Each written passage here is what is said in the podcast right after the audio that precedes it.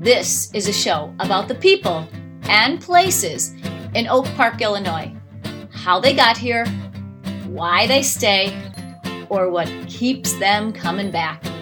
Come join me.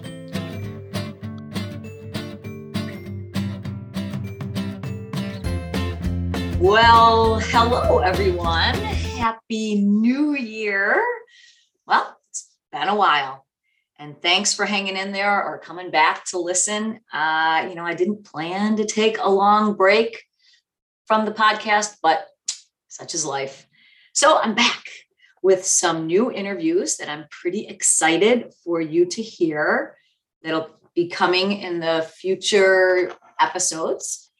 And I have a little bit of a tweaked format for the podcast thanks to my fabulous marketing coordinator, Emma Smith. I am going to throw in a few solo episodes every once in a while. And today is the first solo episode. And today I am going to talk about positive thinking. And I know that seems woo woo and not especially Oak Park, but I think that Oak Parkers do have a tendency to be positive thinkers, at least the ones I know. And so I, um, you know, I think I was kind of born with the positive thinking. Sometimes people really just are, but there has been a time in my life um, that I slipped into negative thinking and it, and it lasted for years, really. Um, and I think a lot of it was I was surrounded by people who were negative thinkers, and it really uh, resonated with me in a bad way, in a sense. I absorbed it. And perhaps that's one thing that we all can do is to try to surround ourselves with positive thinkers.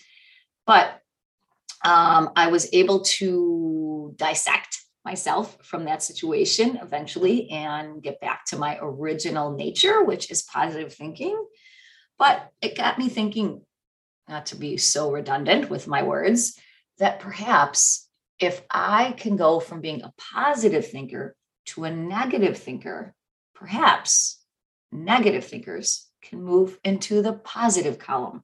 And so I did a little research about that. And, and turns out that we all can learn. You know, I think that growth mindset is real, people. And I think if we believe we can change, that we can change. And even if it, it, helps us positive thinkers to kind of reinforce what we're already doing. And maybe we don't even know why we're this way. Certainly I didn't. But I've come to believe that um, I can kind of try to maintain my positive thinking. You know, I think that we all maybe think we're positive thinkers, or maybe some of us recognize our negative thinking but uh, perhaps to do a little reflection on are you a negative thinker or have you been a negative thinker in your life where you've slipped into that kind of mindset? And some of the the identities of a negative thinker are magnifying negative parts of a situation you know like filtering out the good stuff and only seeing the bad stuff you know, I know I've done this throwing a dinner party and everything's great and everyone's having a good time. And all I can think about is overcooking the meat. Um, although I don't cook meat as much anymore. So hopefully that wouldn't reoccur, but still, it's the same idea. And, you know, an, another aspect of negative self, um, negative thinking or negative self-talk is, you know, personalize everything. You know, everybody cancels from the event because they don't like being around you when in reality they all cancel for their own particular reasons. I think that nobody really wants uh, people to be failing. They just are all caught up in themselves a lot of times, but we think it's all because of us in certain situations. Another way to be a negative thinker is catastrophizing things a lot, like always thinking the worst is going to happen. You know, you're driving down the expressway and you go um, you know, to change lanes, and you're all you can think about is the fact that another car is going to come off and cut you off, and you're going to get into an accident and all die in a fiery crash. Um, and then the final identified way of negative thinking is polarizing, like everything is great or it's terrible. You know, I'm perfect or I'm a failure. And you know, those negative thoughts pile up and they start stressing us out and making us sad And I think it, it is sometimes we go down these rabbit holes and, and, you know, one thing piles on and the next thing piles on. And then we just get so overwhelmed with those negative thoughts. So why should you become a positive thinker just you know just not going down those negative thoughts but what are the real benefits of positive thinking and um, they have been documented in studies um, they can increase your lifespan positive thinking obviously it, it decreases depression and stress it boosts your immune system and your well-being both physically and mentally it, it can even increase your blood flow and of course, it helps with those all important coping skills. So you know how to handle things that come along that are negative in your life or hard times in your life. Um, so, uh, you know, sometimes we want to be positive thinkers, but we just don't know how to get there, right?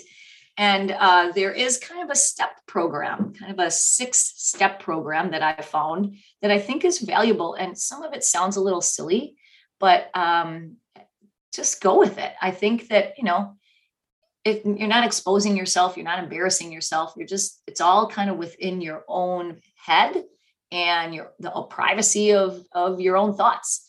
So step one is literally listing out happy thoughts, things that make you feel good. And I'm talking about not just thinking about it in your head or even writing it on your computer. I'm talking about sitting down, pen and paper, and listing it all out and spending 30 minutes writing out all of your positive thinking. Like, I really like walking my dog, and I really enjoy looking at this building and seeing the design. And I like taking um, a stroll around a certain part of Oak Park and going for a tasty dog used to make me happy. I guess that's not there anymore, but going to the Oak Park Bakery and getting a coffee cake makes me really happy. Just literally writing those sentences out and having that uh, pen and paper there's certainly been lots of studies that writing something out really does have a kind of chemical reaction between your brain and the physical act so step one write those happy thoughts out and step two be aware of your negative thinking and feeling my uh, business coach talks about this being being onto yourself so recognizing when those negative thoughts start creeping in to your brain. I mean, I guess you could also, you know, if you're you're talking negatively, try to tell the people around you to give you a heads up when you're doing that because sometimes that can be helpful. But really just trying to be like, wait a minute, am I starting to think negatively? Am I starting to magnify the negative parts of this situation? And, you know, just recognize what's happening in your brain. And then the third act is to kind of play a little bit of a tennis match where every negative thought is returned with a positive one. And you're just going kind of that back and forth volleying in your head that keeps pulling those positive thoughts back in when a negative thought is creeping over. And then the fourth step is trying to devote a small time in your day, perhaps when you're driving or walking your dog, and just thinking, okay, for the next five minutes or 10 minutes, I am only going to think of positive thoughts. I'm not going to let any negative thoughts creep in, or I'm not going to just wander in my thinking just aimlessly. I'm going to go over some of those positive things that I've wrote down on my list if necessary. Otherwise, think of other positive things. And I'm just going to think about those over and over again. And uh, it's kind of like a dopamine hit, right? And then the um the fourth step is to, oh no, the fifth step, I suppose this this is, is to stop judging yourself. So, you know, we can all be harsh critics of each other, but I think we can especially be harsh critics of ourselves. And you know, that's that's terrible for our thinking and for the world, frankly. Stop it. Stop judging yourself. You are no better, but no worse than the next person. And perhaps we can all see it that way and try to just stay in our lane and look toward the uh, the end instead of looking over the lane all the time, seeing what everybody else is doing or seeing how we aren't doing everything correctly. And then finally, I know this seems kind of simplistic, but smile. Everyone, you know, everyone hates being told what to smile. And I know that it, it seems trite, but it really does sometimes put you in a happier mood and pull in some of those happier thoughts. And um, I, you know, the world actually does like when people smile. That's why we all do it for pictures. Watching, uh, looking at a picture of somebody who's smiling versus somebody who is not smiling, I think everyone always picks the smiling picture. So, going back over those steps, list those happy thoughts on paper, be aware, be onto yourself with the negative thoughts. Play that tennis match with pulling in a positive thought for every negative one, devoting that small amount of time in the day to just kind of dopamine hit those positive thoughts for yourself. Stop judging yourself and maybe put a smile on things if, you know, if you're so inclined. All right, that's what I have for you. I hope this is helpful.